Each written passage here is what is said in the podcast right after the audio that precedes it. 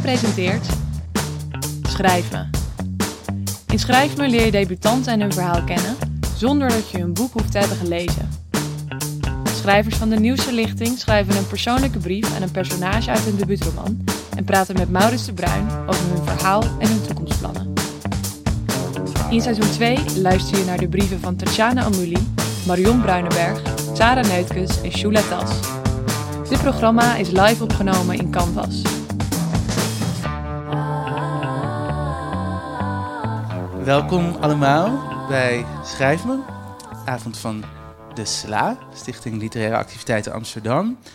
Ik ben Maurits de Bruin en vanavond staan er vier debutanten centraal, die hier op de eerste rij zitten. Marion Bruinenberg, Sheila Tas, Sarah Neutkens en Tatjana Omouli. Ik ga ehm, vanavond met hen alle vier in gesprek. Zij hebben alle vier van Sla de opdracht gekregen om een brief te schrijven aan een eh, personage uit hun debuut. En nou ja, zoals gezegd gaan we dan ook over die, over die brief praten. En die brief is eigenlijk de manier waarop jullie die boeken leren kennen, als jullie die nog niet gelezen hebben. De tweede schrijver die ik straks naar voren ga vragen is Sarah Neutkens. Sarah Neutkens is schrijver, componist, beeldend kunstenaar, model en kunsthistorica. Nou ja, ook een heel gulzig iemand dus. Uh, en dat is ook wel af te lezen aan Sarah's debuut. Dat heet Een blote man beminnen. Um, dat is wel echt het lastigste boek uh, van deze vier, vond ik, om te beschrijven. Um, misschien dat, dat Sarah niet echt verbaast.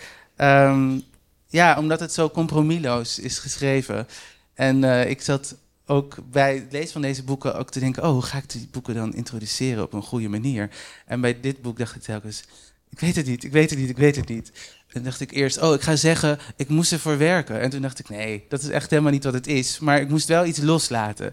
Een soort vibe heb ik het maar genoemd in mijn hoofd uh, op dit boek.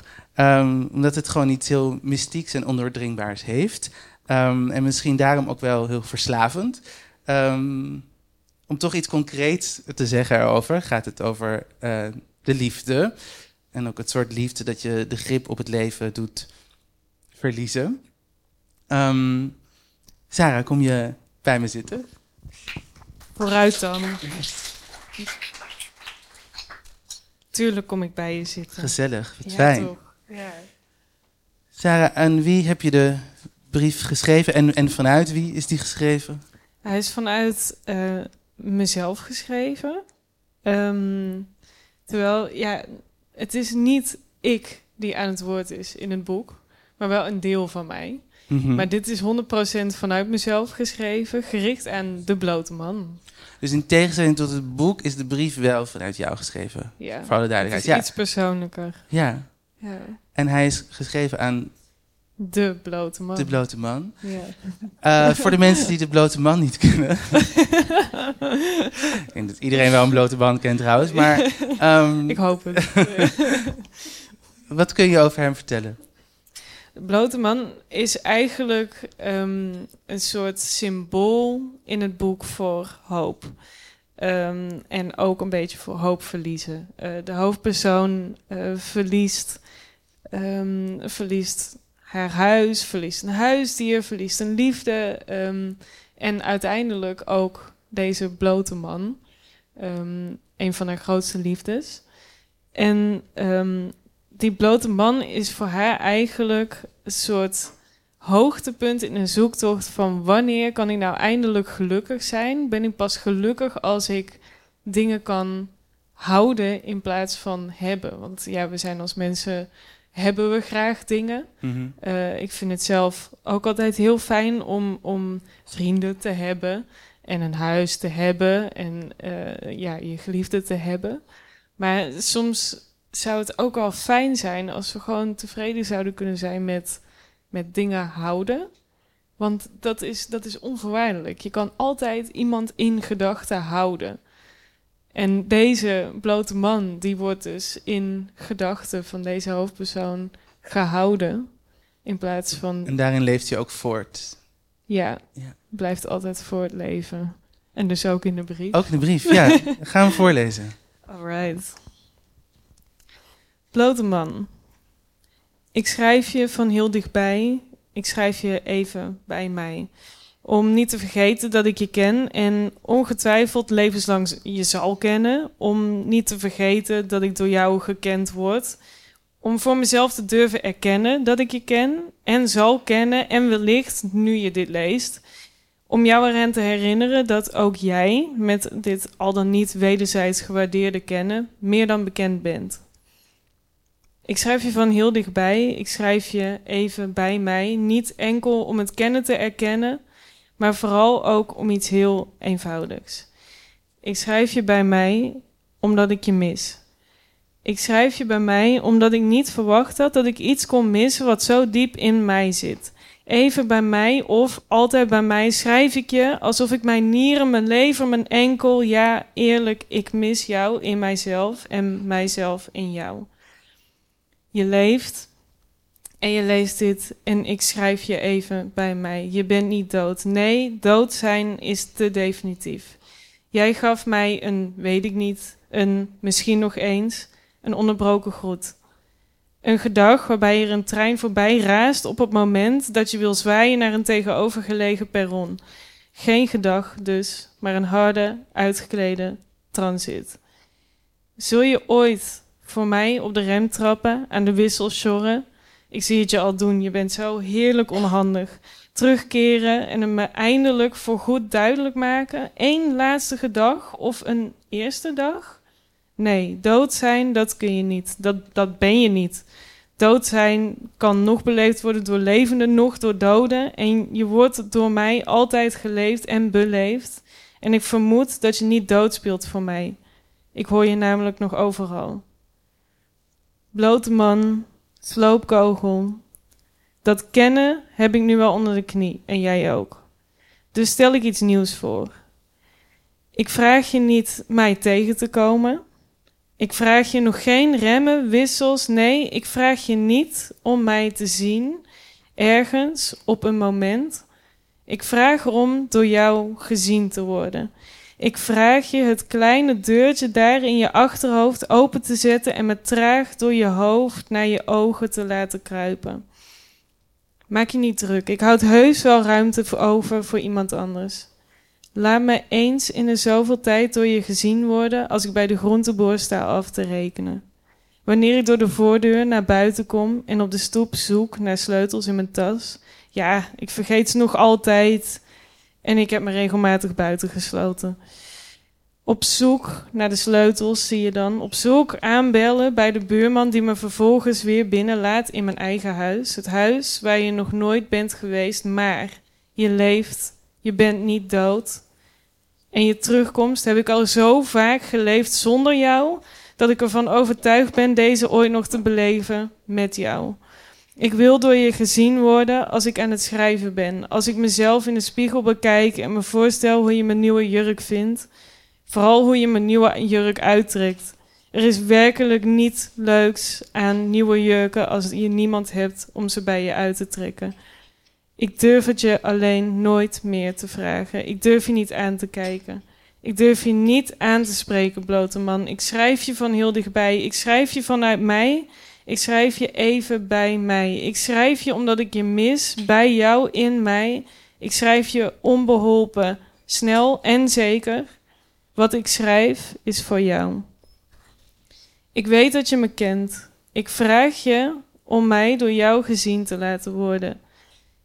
Ik wacht totdat ik niet meer aan je denk, over je denk, maar dat alleen nog maar voel. Ik word gezien, gekend, niet meer gekweld of door mijn eigen gedachten meegesleurd. Ik alleen gezien door jou, want ik alleen zou eeuwig, ik wil er tenminste in geloven, laat me je meeslepen. Theatraal, mijn bestelling, 1 kilo tomaten, dus je tegenwoordig aubergine, afrekenen bij de groenteboer, mijn sleutels met verven vergeten. De deur net iets te zelfverzekerd dichttrekken. Schrijven tot middernacht. Mijn weerspiegeling van haar nieuwe jurk ontdoen. En toch, op het onmogelijke voorbereid, vind ik het vreemd dat ik jou vermijd. Ik ben alleen voor jou.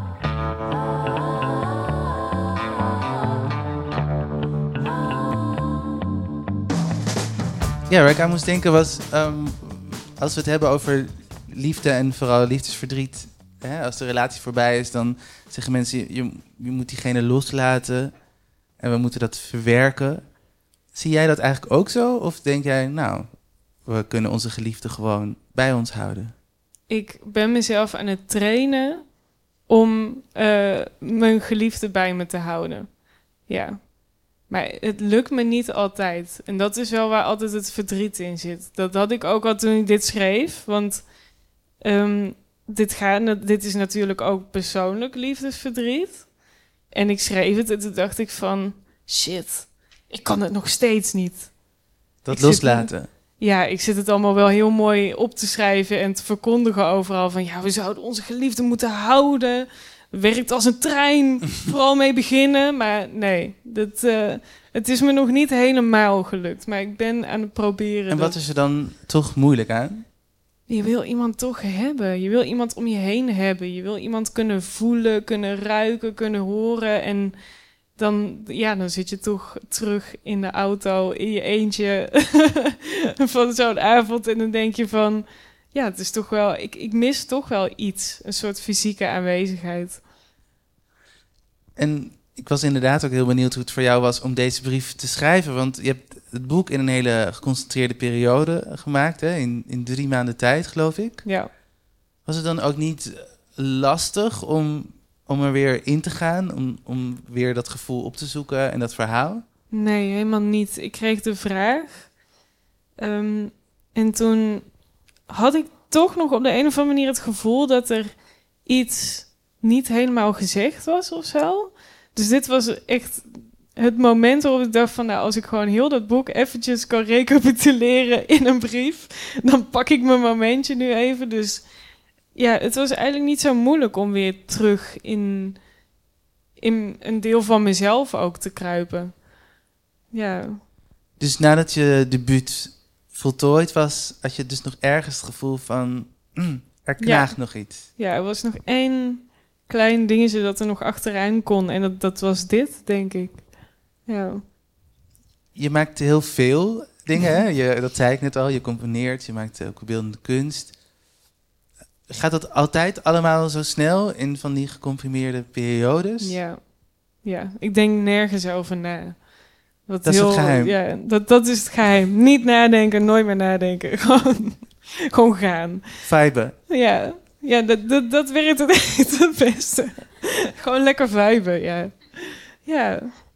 En we hadden het net even al samen over ehm, dingen voor het eerst doen, hè? Mhm. En uh, ja, een debuteren eigenlijk, op welk vlak dan ook. En de veiligheid of misschien ook een soort verslaving die je daarvoor hebt, ja, toch? Kun je daar iets over vertellen? Het is heel erg, ik vind het een beetje... Ik vond het een beetje viezig om mezelf daar dus op te betrappen. Dat ik erachter kwam dat ik het heel fijn vind om dingen voor het eerst te doen omdat je dan je altijd kan verschuilen achter een soort naïviteit. Of weet je, ja. En, en als het heel erg goed gaat, dan vindt iedereen het meteen helemaal te gek. Alleen, ja, als je iets voor de vierde, vijfde keer goed doet, dan is het van, ja. En, ja, logisch. Dus ik vond het een beetje viezig om mezelf erop te betrappen dat ik het zo fijn vind om die naïviteit nog te kunnen houden. Ik hoop dat ik het kan blijven behouden elke keer als ik iets maak. Dat het elke keer wel als de eerste keer kan voelen. Maar ja, het is, het is wel veilig. In de luwte ook en zonder verwachtingen? Ja, verwachtingen zijn. Uh, dat, is, dat moeten we gewoon niet meer hebben. Slecht idee. Oké, dus geen geliefde willen hebben. Nee. En geen verwachtingen koesteren. En niet meer nadenken. Oké. Dat gaan we doen. Dankjewel, Sarah. Dank je. Ben je benieuwd naar meer audio van De Sla? Volg ons via Slaakast.